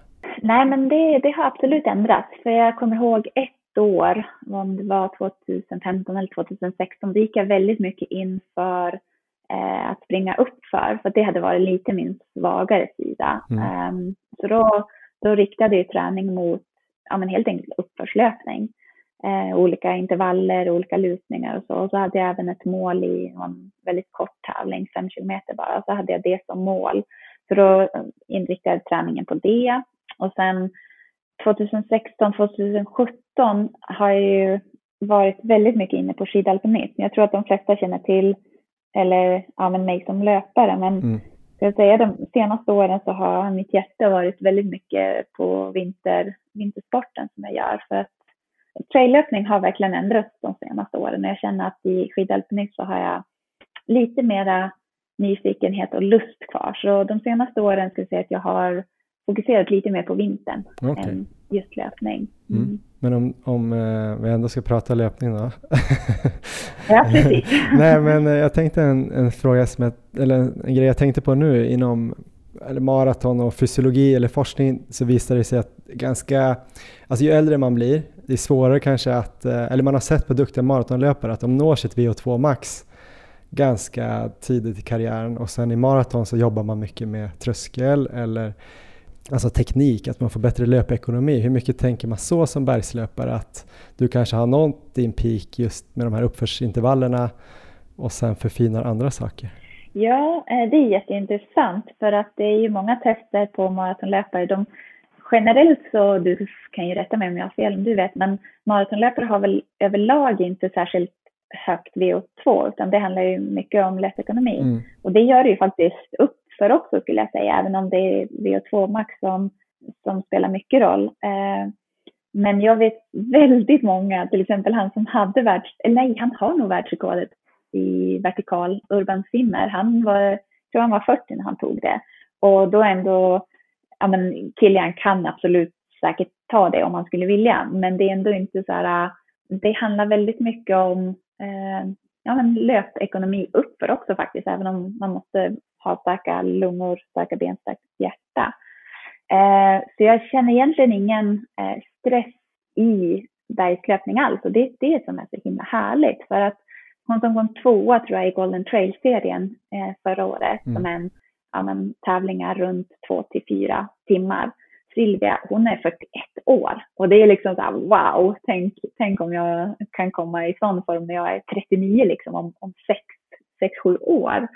Men om man tar en vecka nu då som du har gjort, någon träningsvecka som du både tyckte var lustfylld och eh, väldigt eh, effektiv och bra. Hur ser det ut ungefär då? Eller hur kan det se ut? Just nu så har jag varit lite så här att jag, men jag har en del annat. Maj och juni är väldigt så mycket att göra hemma här på gården. Så då mm. har jag eh, planerat mina veckor väldigt noggrant och så att jag inte behöver tänka på träning utan jag bara gör. Och en vecka som jag tyckte var jätteskön var att jag sprang men jag hade bestämt att jag skulle springa en halvmaraton varje dag med 1000 höjdmeter och sen fokuserade jag bara på ja, olika delar. Eh, en dag var det platt, eh, en dag var det uppförsintervaller, en dag var det mm, ja, men uppförsintervaller i en annan lutning. Eh, ja, lite sånt. Så det tycker jag var jätteskönt. Okej, okay, så du sprang en halvmaraton varje dag med 1000 höjdmeter men du la fokuspunkterna på olika ställen? Precis. Härligt. Var det någon dag du också drog på liksom hela eller alltså att du fokuserade Ja men precis, tröskel? jag gjorde det sista dagen faktiskt drog jag på hela. Jag vet inte om jag skulle hem till någonting men då, då gick, det, det gick det snabbast uh, hittills faktiskt. Alla, vad säger man, ever. Ja. Annars då, jag tänkte de här, kan du inte dra några pass där, några av dina favoritpass om du tänker att det är några som lyssnar här som vill bli duktigare löpare eller kanske till och med duktigare trail eller bergslöpare. Du pratade om 30 sekunder, 4 minuter, 2 minuter som en typ av intervaller. Hur, hur ser de ut då ungefär? Ja men precis. Eh, om vi tar uppförsintervaller då, det tror jag ju, om vi återkommer till VO2 och benstyrka och hjärt-lungkapacitet så tror jag att det är ju superbra att köra för vem som helst. Och även om man bor i en stad och är eh, väglöpare så har man nog nytta av det. Och ja, men min favorit är verkligen, speciellt om man kanske är nybörjare i backe, så skulle jag rekommendera två minuter. För att det går som, det är kontrollerbart, det går, det går snabbt. Eh, och då, är, då kör jag liksom i eh, ett hållbart tempo där jag som sista får verkligen kämpa men kan ändå eh, ja, men lika i, i samma eh, fart. Och ibland gör jag det så att jag springer två minuter upp och sen går ner för då har man ju väldigt koll på tiden. Eh, men ibland så springer jag, jag har ju den lyxen att ha en väldigt bra skogsbilväg som går upp på fjället här så då, då kan jag ju springa den hela vägen upp och så. Då vet jag att jag och Ida brukar kunna köra eh, tio gånger två minuter upp för den. Eh, och när vi är där uppe så är vi färdiga. Eh, så då vet man också ja, men vilken form man är i. Just det. Sen 30-30 kör jag faktiskt mest på vintern. Det skulle jag inte riktigt köra på sommaren. Eh, utan det kör jag mest för sprintträning i skidalpinism. Så det kan jag egentligen inte prata om, eh, vad det vad har för nytta på, på sommaren. Eh, kanske att om man bara vill eh, öka sina explosiva eh, muskelfibrer så kan det vara bra. Men, eh, är det för hårt, alltså muskulärt tycker du, belastningen på sommaren eller är det bara att du har blivit så att du kör på vintern just? Ja, nej men precis, när det kommer uppför så absolut, men sen kan jag ju köra eh, vad ska vi säga, ja, men 200 och 400 på bana och då är det ju, eh, jag kommer inte ihåg mina tider, 400 kanske är, ja men då är man ju nere på ganska exklusiva för mig i varje fall som är ultradistans, eh, då är man ju nere på lite snabbare eh, tider när man springer 200 och så. Eh, så platt absolut, men uppför har jag inte riktigt, eh, det är ingen nytta med dem på sommaren. Nej, just det. Och annars då, längre intervaller, då sa du 10-15 minuter eller? ja men precis, man kan ju köra allt, 6, 8, 10, 15. Eh, så det är ju bara, det är det som är roligt, man kan ju köra en stege också. Det är ju, eh, det är superbra. Jag, jag har egentligen inga favoriter utan ibland tar jag bara ett en random nummer, säg att jag kör sju minuter. Mm. Så eh, allt ger någonting bara man kör inom olika, olika kategorier, längre eller kortare. Mm. Men du nämnde löpbana där, löparbana. Hur ofta kör du löparbana eller platt asfalt eller, eller kanske löpan till och med? Och hur använder du det? Ja, eh, det är väldigt smidigt. Vi har ett löpband eh, och köra, jag brukar dela upp dagen att eh, man kör ett pass utomhus och ett pass är man inne. Så när Maj sover då kan man köra eh, löpande inomhus eller vad man vill göra inomhus. Just det. Eh, men jag, eh, nej, men jag tycker inte det är jätteroligt att springa på läppan. Så jag, jag kan dra 10, 10 kilometer bara för att ha det gjort. Alltså, är det bra. Eh, jag, jag, jag stänger av hjärnan då. Jag tycker inte det är alls roligt. Men jag kan, jag kan uppskatta att springa på bana för att det går över snabbt. Alltså om man springer 10 gånger 400, då kan jag tycka att ja, det här var jag nöjd med. Bra, och så är det gjort.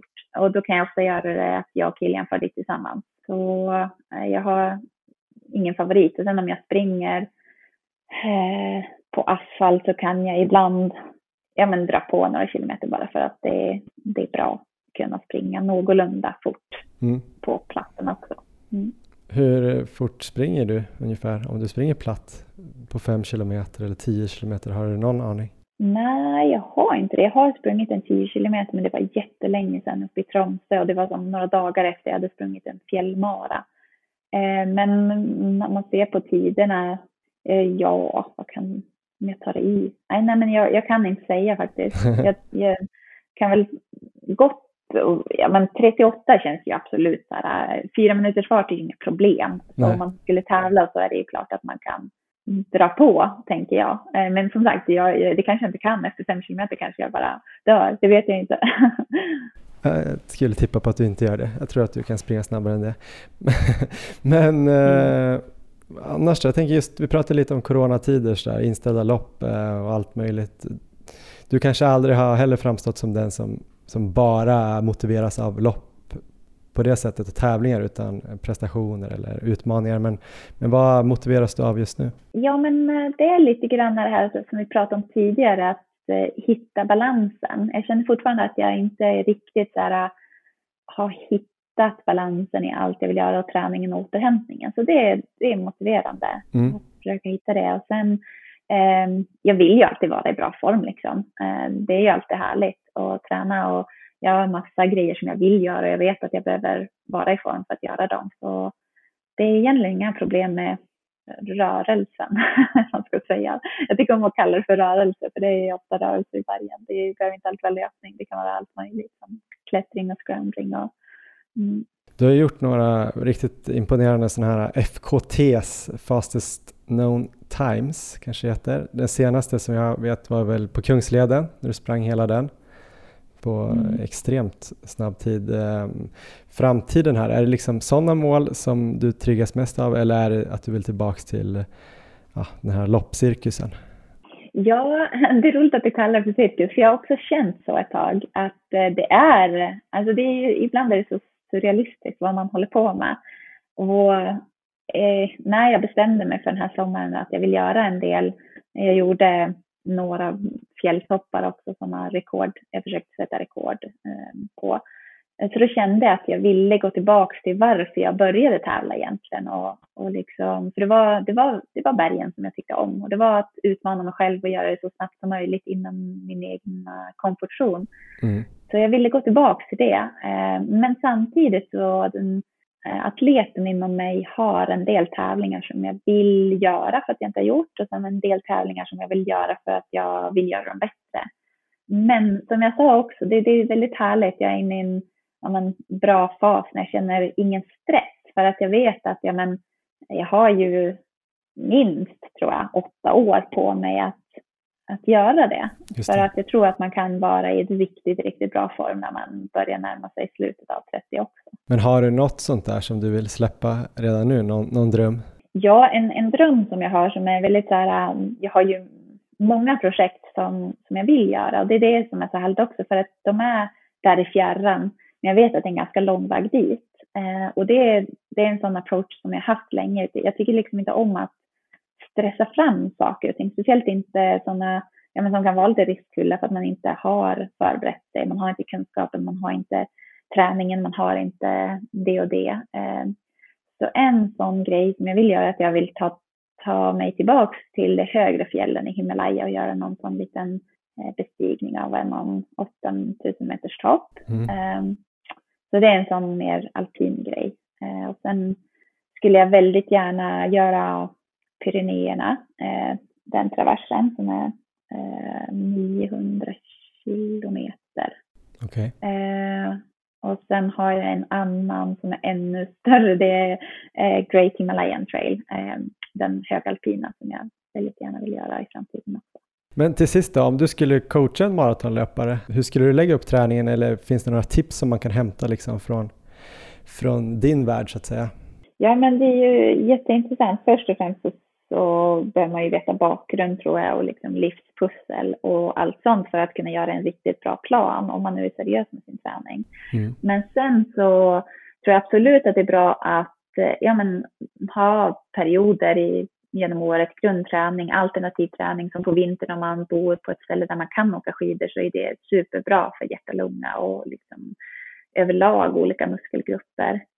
Um, och sen, ja men man ska ju utmana sig men inte för mycket för att liksom ta steg framåt som är hållbara. Så det, det beror ju absolut på vad man är, var, var man är i livet, vad man är för person, vad man har för bakgrund. Mm. Superbra. Tack så jättemycket Emelie för att du ville vara med i Maratonlabbet. Ja, tusen tack själv.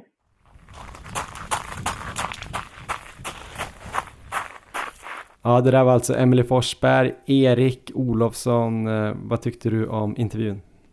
Eh, många intressanta bitar. Jag tyckte det var intressant med när man var inne på återhämtningen här, att man kanske kan gå över gränsen och liksom köra på ett tag som hon gjorde, men att det sen kommer till en viss punkt och där man måste dra helt i handbromsen. Hon var ju var borta i två månader när det mm. var som värst där. Um, så det är ju det är jätteviktigt att liksom fokusera på att sätta de där bitarna, både på själva träningen då, men på sidan om också. Sen så gillar jag verkligen det tänket som hon hade när hon beskrev eh, sin träning där, att hon liksom vet vilken träning hon vill få in, men att hon inte är så låst på vilken dag det ska ske, utan låter livet styra lite, om det då är barnpassning eller väder och så vidare. Jag försöker också tänka ganska mycket på så när jag kör mina träningsveckor, att jag vet ungefär vilka kvalitetspass jag vill ha med men sen så lägger jag in dem när det passar under veckan och sen så får man ju såklart fokusera på att få tillräckligt med återhämtning mellan kvalitetspassen så att det inte blir för få vilodagar och så emellan. Men jag gillar hela det tänket så det, det, tycker, jag, det tycker jag fungerar bra. Ja, det ska man absolut ta med sig. Sen gillar jag det här med att hon springer så mycket på lust. Ibland beskrivs hon ju, som jag sa också i intervjun, som en sån person som bara springer runt och är glad och bara råkar vara superbra. Men man fattar att hon tränar mycket men att hon ja. kanske inte alltid gör det så här extremt strukturerat, även om jag tror att hon har stenkoll på vad hon ska göra, som du sa också, att hon vet att hon måste göra mycket backe något, någon månad eller VO2 max eller beroende på vilken tävling hon tränar, tränar säkert jättespecifikt när hon ska göra någon utmaning eller någon tävling.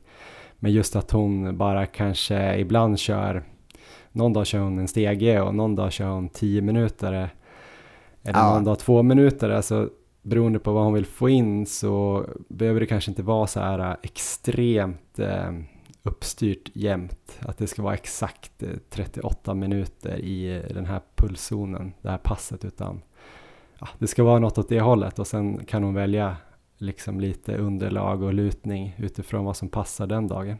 Eller kanske utifrån vilka segment hon hittar på Strava, vad vet jag. Vi kanske ska köra en sån där halvmara-vecka också Johan. Vad ja, det? det blev jag inspirerad av. För hon bor ju så extremt fint. Så jag tänker mig att den där halvmara-banan som hon har i bergen där kan vara så ja. sjukt fint att man skulle kunna springa den varje dag resten av livet och inte tröttna. Då skulle man ju lätt kunna göra det. Men vad tyckte du om det då? Tyckte det var lite kul? Ja, jag kanske ska köra det på den här Vindbrobanan i Uppsala som vi sprang. Vad tror du om den? Ja, den ska ju vara kul. Idag ska jag då satsa på att den här bropassagen blir riktigt bra. Och imorgon då kör vi den här 180 graders svängarna, fokusera på dem. Ja. Eh, vad har vi mer då? Intervaller i motvind. Intervaller i motvind och sen då trycka stenhårt och bitchslappa mig i medvind. Och sen avsluta det med en bara max sista dagen. Härligt. Ja, nej men det var ju lite spännande. En annan grej som också var kul som inte ni fick höra här i intervjun faktiskt, det var ju när hon pratade lite om sin sambo då och pappan till Maj, Kilian Jornet eh, som eh, är då världens bästa bergslöpare på här sidan. Han har tydligen nu satsat ganska mycket på maraton, Erik. Visste du det? Det visste jag inte. Superspännande. Ja, han eh, tydligen just eftersom alla lopp ställdes in och sådär i år så behövde han lite ny motivation så han har tydligen eh, tränat för en asfaltsmara men fått lite problem med med någonting, hon sa inte exakt vad, men tydligen springer han eh, mest bara uppförsbacke nu igen, för det var det som funkade. Men det skulle vara intressant att se Kilian Jornet i en riktig vanlig flack asfaltsmara. Verkligen. Vet du vilken mara han siktade på? Jag vet inte alls så mycket. Hon var lite hemlighetsfull, men vi får väl se. Ja. Vi kanske kan locka honom till podden så får vi väl veta allt om det där. Han är ju också extremt bra och utan att sätta press här då på deras barn Maj så skulle det faktiskt bli kul att se om hon börjar springa, hur bra hon kan bli. Om man har mamma och pappa som är världens bästa bergslöpare. Eller hur? Hon kanske börjar med schack eller något. Ja. Ja, jag tänkte vi skulle gå över till en annan grej Erik, eh, Maratonlabbets utmaning. I förra avsnittet utmanade jag dig Erik att eh, du skulle testa att springa då ett sånt här Strava-segment och tävla på det. Typ ett eh, Ja. virtuellt lopp då fast på träning. Hur har det gått? Det har inte gått bra alls, Johan. Va? Jag måste ju meddela här att jag har misslyckats med Maratonlabbets utmaning den här Nej. gången. Ehm, och anledningen är ju att jag fick in den här halvmaran på SM, som då gick onsdagen här. Det gick ju precis efter jag kom ner från Norrbotten. Mhm. Och eh, den var ju på ganska hårt underlag, så att jag har känt mig lite sliten efter det. Mm. Ehm, Så att jag har helt enkelt inte hunnit få in något kvalitetspass efter halvmaran.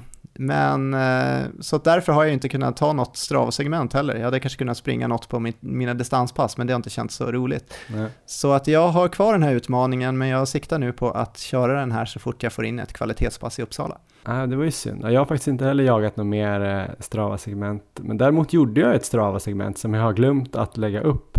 Så jag kanske borde gå och fixa det nu efter den här inspelningen. Jag gjorde Ja. ett eh, lite halvknixigt på eh, Södermalm här i Stockholm. Lite klurigt som jag tror kan passa många olika löpare. Jag tänker om man bara skulle göra typ en kilometer eller två nere längs eh, kajen här på Södermalm så är det ju bara någon eh, riktigt duktig löpare som kommer dista förbi och ta den där kronan. Så jag gjorde en lite mer klurig bana i stadsmiljö. Man ska dels läsa in banan bra då inför och sen Ja. så är det lite uppför, nerför, lite tvära kurvor och så är det lite trafikljus som man ska ha lite flyt med. Så eh, jag ville bara poängtera att om någon vågar sticka upp och utmana mig här då på den här. eh, Den är nästan tre kilometer den här banan så att den är inte lång. Blir ganska hård om man trycker på. Eh, bra VO2 maxpass och ehm, som sagt man gör det på egen risk. Kanske kan vara bra att springa på natten, vad vet jag. Ni får vara lite kreativa. Så jag lägger upp den här efter inspelningen. Men nu är det väl dags för dig att ge mig en utmaning Erik, så har vi varsin att göra till nästa avsnitt.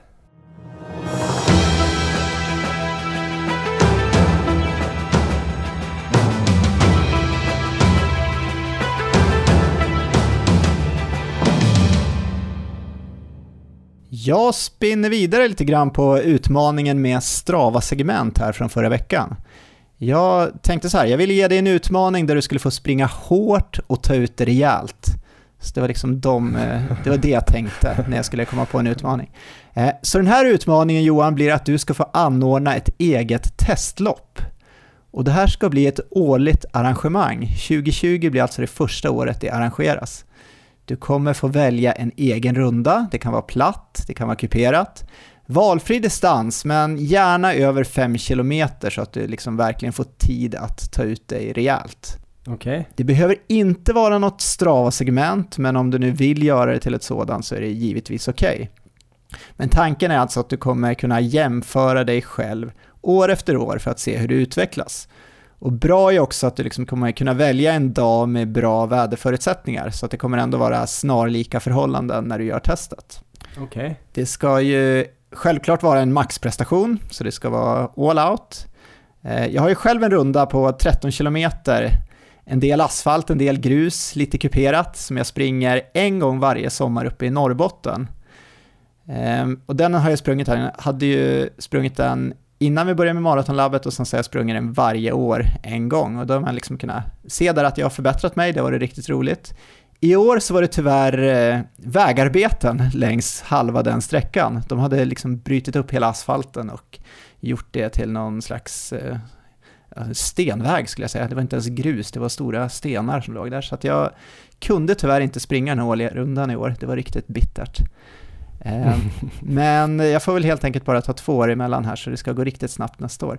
Men du kanske kan lägga en runda vid torpet i Morgongåva tänker jag. Det skulle ja, kanske. kanske, kanske vara bra. Eh, jag tycker inte du ska köra testet fler än en gång per år. Det är ganska kul sådär att få testa sig själv med lite längre tidsperiod emellan.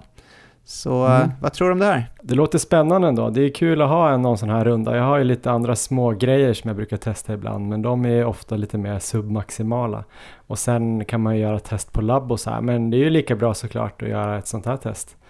Det säger väl mer än något annat hur bra det går. Ja. Så jag ska försöka hitta någon runda, antingen där ute i Morgongåva eller om det blir här i stan. Jag har ju en en runda som jag direkt började tänka på när du sa det här. Vi får se om det blir den. Um, men det kan vara lite i skogen också, eller vill du ha det mer uh, asfaltgrus typ? Nej då, det kan vara i skogen också om du känner för det. Bara det liksom är att du, du kan springa all out. Så är jag nöjd. Ja. Och, och, över fem kilometer? Ja, det skulle jag ändå säga. Finns det någon maxgräns? Nej, det ska jag inte heller distans. säga. Utan eh, ja, 13 kilometer är en ganska ganska jobbig sträcka, men den är ganska rolig också. Man får verkligen ta ut sig. Men eh, häng gärna på den här utmaningen och skapa ett eget årligt personligt testlopp. Ja, men tusen tack för utmaningen Erik. Eh, det här ska bli väldigt spännande och eh, på tal om lopp då, kanske inte testlopp utan faktiskt riktiga lopp, så hade vi några lopp inplanerade här framöver. Vi skulle ju faktiskt springa flera banlopp här i augusti. Nu har det ju rört ihop sig här de sista dagarna det har ju kommit en regel då som säger att man inte får springa på bana med eh, skor som har tjockare sula än 25 mm. Alltså man får såklart vara där och träna men det kommer inte bli godkänt att få springa lopp i, i sådana skor. Så det kommer ju då diskvalificera alla de här nästan, ja alla de här karbonmodellerna, alltså Vaporfly, Alphafly, Eh, Endorphin Pro, Saucony's och New Balance Fuel Cell som man har ju sett många springa i. På asfalt är de ju godkända då, där är det ju 40 mm som gäller. Men eh, ja, vad tycker du om det här Erik? Eh, det skulle ju varit ett lopp för dig på 5000 meter nu på lördag och sen var det ju 10 000 nästa vecka. Och har du några skor än som är 25 mm eller tunnare? Jag tycker ändå jag har en hyfsat gedigen garderob för skor, men jag tror faktiskt inte jag har något par som klassar in där. Möjligen några swimrun-skor kanske som är ganska tunna. Ja, jag fick ju en lista från dig så här, vilka skor ska jag välja? uh, jag kollade igenom alla och uh, vi kom ju fram till att barfota var bra. Ja men de där VJ iRock eller vad de hette som, vi körde, som du körde på Ånga Swimrun i fjol, de kanske skulle funka.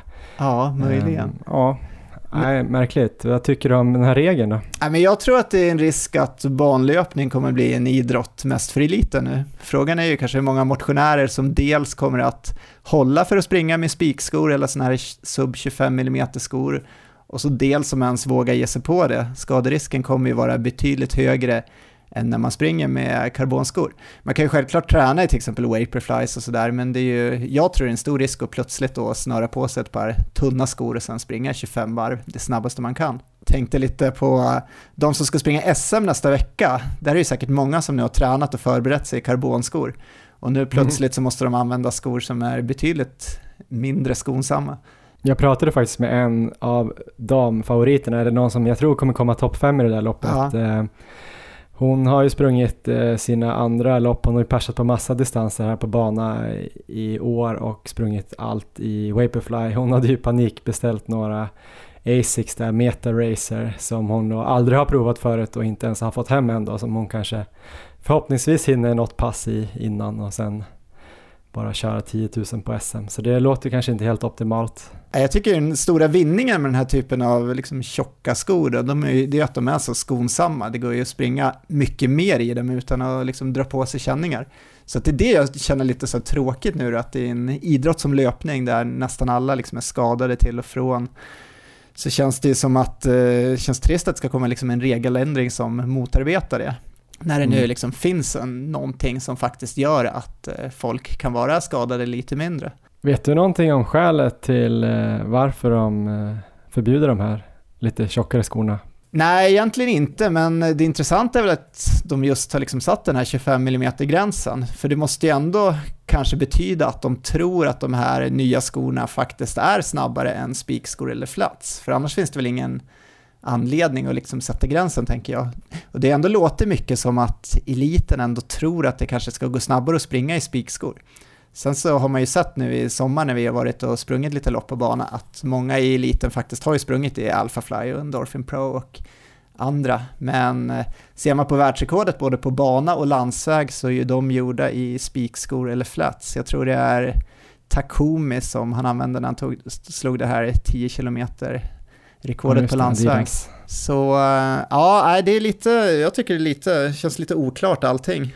Lite konstiga Mm. regler. Hur tänker du då kring de här loppen eh, som vi hade här framöver? Eh, Kommer du springa dem eller? Ehm, nej, alltså personligen så betyder det kanske inte det här jättemycket för mig då, den här ändringen, eftersom inte jag satsar mest på halvmaraton och maraton, men jag är ju otroligt nojig när det liksom kommer till eh, känningar och skador och jag vill ju inte ta några onödiga risker och det tycker jag ändå liksom det här kommer bli för att eh, framförallt eftersom att jag, som jag pratade om tidigare, jag har haft problem med strama vader och det Mm. är ju sånt här problem som jag har hört nämns ofta i samband med att springa på bana med tunna skor. Jag har inte så mycket erfarenhet av att springa på bana med tunna skor, men det är något som många nämner.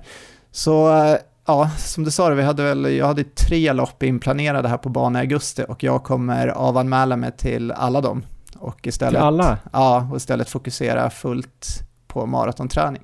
Alternativet hade ju varit att ge sig ut och kö- köpa några tunna skor här och eh, Mm. liksom eh, springa ändå, men det, det känns som att jag skulle behöva träna lite på det ändå. Jag vill inte bara liksom kasta mig in och köra, ett, köra i några skor jag inte är van att springa i, som är betydligt mindre skonsamma och springa all out på bana. Så att eh, så blir det för mig. Sen så tänker säkert folk olika, men jag tror det är risk att många motionärer kommer välja bort att springa på bana framöver. Och det känns ju trist alltså. Det har ju ändå varit ett Ja, det känns ju som att det varit ett stort uppsving på slutet för banlöpning bland motionärer och det har varit otroligt liksom, bra och trevliga arrangemang vi har deltagit i här i sommar till exempel. Ja men det har blivit lite speciellt nu med tanke på corona och covid. Det har inte funnits så mycket andra lopp så Nej, att, eh, det känns som det är många som har vågat att prova på det här med bana för det kanske känns lite läskigt att komma in på en bana och lite mer uppstyrt och startpistol höll jag på att säga, det är det väl på andra lopp också. Men Ja. ja. ja, men lite så här calling och lite så här saker som man inte eh, känner till och ganska exponerat, eh, 25 varv och det gör ont, alltså man springer 10 000. Så det har varit kul, men eh, jag vet inte om det är så många som har sprungit i skor som har varit under 25 mm. Jag tänkte faktiskt först så här, ja, jag, jag orkade typ inte bli sur eller irriterad först. Eh, Vi mässade ju lite om det här. Ja, Utan jag kände så här, ja ja, det är väl som det är. Jag känner ju inte heller att eh, 10 000 och 5 000 på bana är liksom någon av mina distanser som jag kommer satsa på eller njuter av att springa sådär. Men det är ju kul att prova sig. Det blir ju väldigt tydligt vart man ligger till. Ehm, och på 1500 tror jag att jag skulle kunna klara av att springa i lite tunnare skor eller kanske till och med några skonsammare spikar någon gång i livet. Men eh, så tänkte jag väl bara så här, ja men jag får väl dra på med mina Adidas Adios då som jag köpte i fjol eh, Ja, just och eh, typ knappt har sprungit med. Så får jag väl springa de här loppen, alltså det går väl i alla fall att springa ett lopp, sen får man väl ta någon extra dags vila och så. Ja. ja, Eh, sen så go- googlade jag vad Adiosen var, eh, hur, hur tjocka de var. Då var de ju 27 millimeter i Okej. hälen. Så de var ju körda också. Det är ju de som han, Dennis Kimetto ja det. hade världsrekordet i på 2.02.57 maraton som Ah, var ja, liksom ja. väldigt eh, tunna tyckte man ju då att Ja. springa maraton i. Men de är alltså för tjocka för att springa på banan med. Så det är ju då Adidas har väl de där Takumi. Sen vet jag att New Balance har några som heter 1500. Just Sen det. fick jag just ett mess, New Balance Fuel Cell Rebel. De såg faktiskt intressanta ut. Ja, Men det är också så här, många av de där skorna har ju ganska lågt dropp också. Och är man inte van vid det så kan det också ställa till det kanske just för mig som har lite hälseneproblem också. Så vi får väl se. ja, du kommer kanske inte vara lika drastisk som mig då, utan du kan fortfarande komma till start här någon gång i augusti på bana. Ja, jag var faktiskt ute nu och eh, körde ett pass som jag hade planerat att vara mitt genrepspass för nästa veckas lopp på stadion där. Och det var 8 gånger 1000 då på bana med en minuts vila och jag skulle försöka hålla då min eh, tänkta tävlingsfart. Eh, då körde jag i de här eh, Fuel Cell eh, TC, alltså New Balance karbonskor som är ganska tjocka. Men jag kände väl under passet att lite som du resonerar där att det är väldigt att gå från att inte ha ett par skor än som är så här tunna Ja, till att köpa ett par och sen bara ställa upp och springa 10 000. Det tror jag kanske inte är så smart. Speciellt inte för mig då som har dåliga hälsenor just nu. Eh, även om de är bättre än på länge. Så jag vill inte riktigt få tillbaks det. Så jag lutar väl åt att jag också kommer hoppa av stadionloppet nästa onsdag. Det blir för tight. Jag hinner inte ens köpa skor nu i helgen. Jag ska iväg och sådär. Så det blir mäckigt. Men däremot eh, sommarspelen kommer jag kanske att eh, försöka vara med på. Möjligtvis att jag hittar ett par skor och eh, försöker springa 5000 i alla fall. Eh, det kanske är mer rimligt. Och så får vi väl se då om jag hinner träna lite och det kanske dyker upp något lopp senare i höst så eh, kanske jag gör ett försök. Jag vill ju gärna under 35 då eftersom det är ett av mina mål i år. ja just det. Ja, så får vi se om eh, reglerna kvarstår sen. Det känns ju som att det har ändrats lite fram och tillbaka här på slutet. Ja, nej, men det ska bli kul att se vem som eh, kollar alla skor här nästa onsdag. Om det är Lorenzo som får sitta med linjalen eller om man får anmäla innan där om man ens kommer in på stadion i fel, fel par skor. Ja, Ja, ja, ja, vi får se. Kanske lite färre lopp då, men det kan ju vara bra för vår träning. Eh, Men något som faktiskt ser ut att bli av här framöver är ju våra två fjällläger, Erik. Eh, Först ska vi åka till Chamonix 26 till 30 augusti och bo på ett, eh, ett chalet där och springa i bergen onsdag till söndag blir det. Vi åker ner tidigt onsdagen, springer väl på onsdagen. Sen tänker jag väl att vi har tre heldagar med härlig löpning och sen får vi väl se om vi hinner ett tidigt morgonpass på söndagen innan, innan vi flyger hem. Ehm, vi kommer flyga till Genève, där blir vi upplockade och eh, av en transit som vi åker direkt till det här hotellet. Så vi kommer ju bara vara vi som åker ner som kommer hänga med varandra och ingen som är sjuk kommer ju få följa med, inte för oss och inte för flygplanet antagligen. Så att eh, det kommer bli coronasäkert och eh, det kommer också gå att boka av ganska nära inpå. Så det finns faktiskt någon plats kvar. Så om ni är intresserade av det här lägret så eh, kan ni höra av er. Och sen kommer vi åka till Vålådalen 11 till 13 september och då åker vi tåg från Stockholm i en första klassvagn med hyfsat eh, generöst med utrymme också. Och vi kommer sitta ihop där. Vi kommer bo två nätter där uppe på Vålådalen på vandrarhem och få all mat där uppe och eh, springa ja, massa härliga turer där uppe. Eh, det gjorde vi i fjol också. Det var ju ganska bra i fjol, eller hur Erik? Ja, det var ju minst sagt ganska bra. Det var alldeles fantastiskt. Och eh, vill man hänga på något av de här lägren så är det väl maratonlabbet gmail.com som är bäst att höra av sig på. Just det, och så kan man ju kolla på Instagram där vi heter Maratonlabbet så kan man scrolla tillbaks lite där så hittar man all information. Vi kanske kommer lägga upp någonting mer här framöver också. Det känns som det kan bli en kul eh, sensommar och höst här för Maratonlabbet. Annars då Erik, eh, det är inte så mycket mer vi ska säga. Kanske att man kan följa Nej. oss på Strava då möjligtvis och eh, kolla upp det här segmentet som jag ska göra senare idag. Och se Ja. om du då försöker dig på något annat segment och ta någon krona här framöver. Där heter vi Erik göra. Olofsson och Johan Forstedt. Eh, Det ska jag redan imorgon och eh, kan väl redan nu säga att nästa avsnitt tror jag kan bli riktigt spännande. Så eh, håll utkik efter det. Det kommer om två veckor. Så om ni tyckte det här sög, att det var jättedåligt och så här, nej, nu är vi less på Maratonlabbet, de har blivit trötta. Då tänker ni så här, ah, jag ger dem ett avsnitt till. Ja, För då lovar Erik att det ska bli jättebra. absolut. Alltså jag tyckte det här var ganska trevligt. Och jag vet inte vem som vill lyssna på oss i och för sig, när vi pratar om våra lopp, men det finns väl några galningar där ute. Emily var ju rolig i alla fall. Ah, ja, vi ska inte sitta här och betygsätta våra egna avsnitt. Eh, jag hoppas ni får det bra framöver och Erik, eh, kör hårt! Detsamma, ha det bra!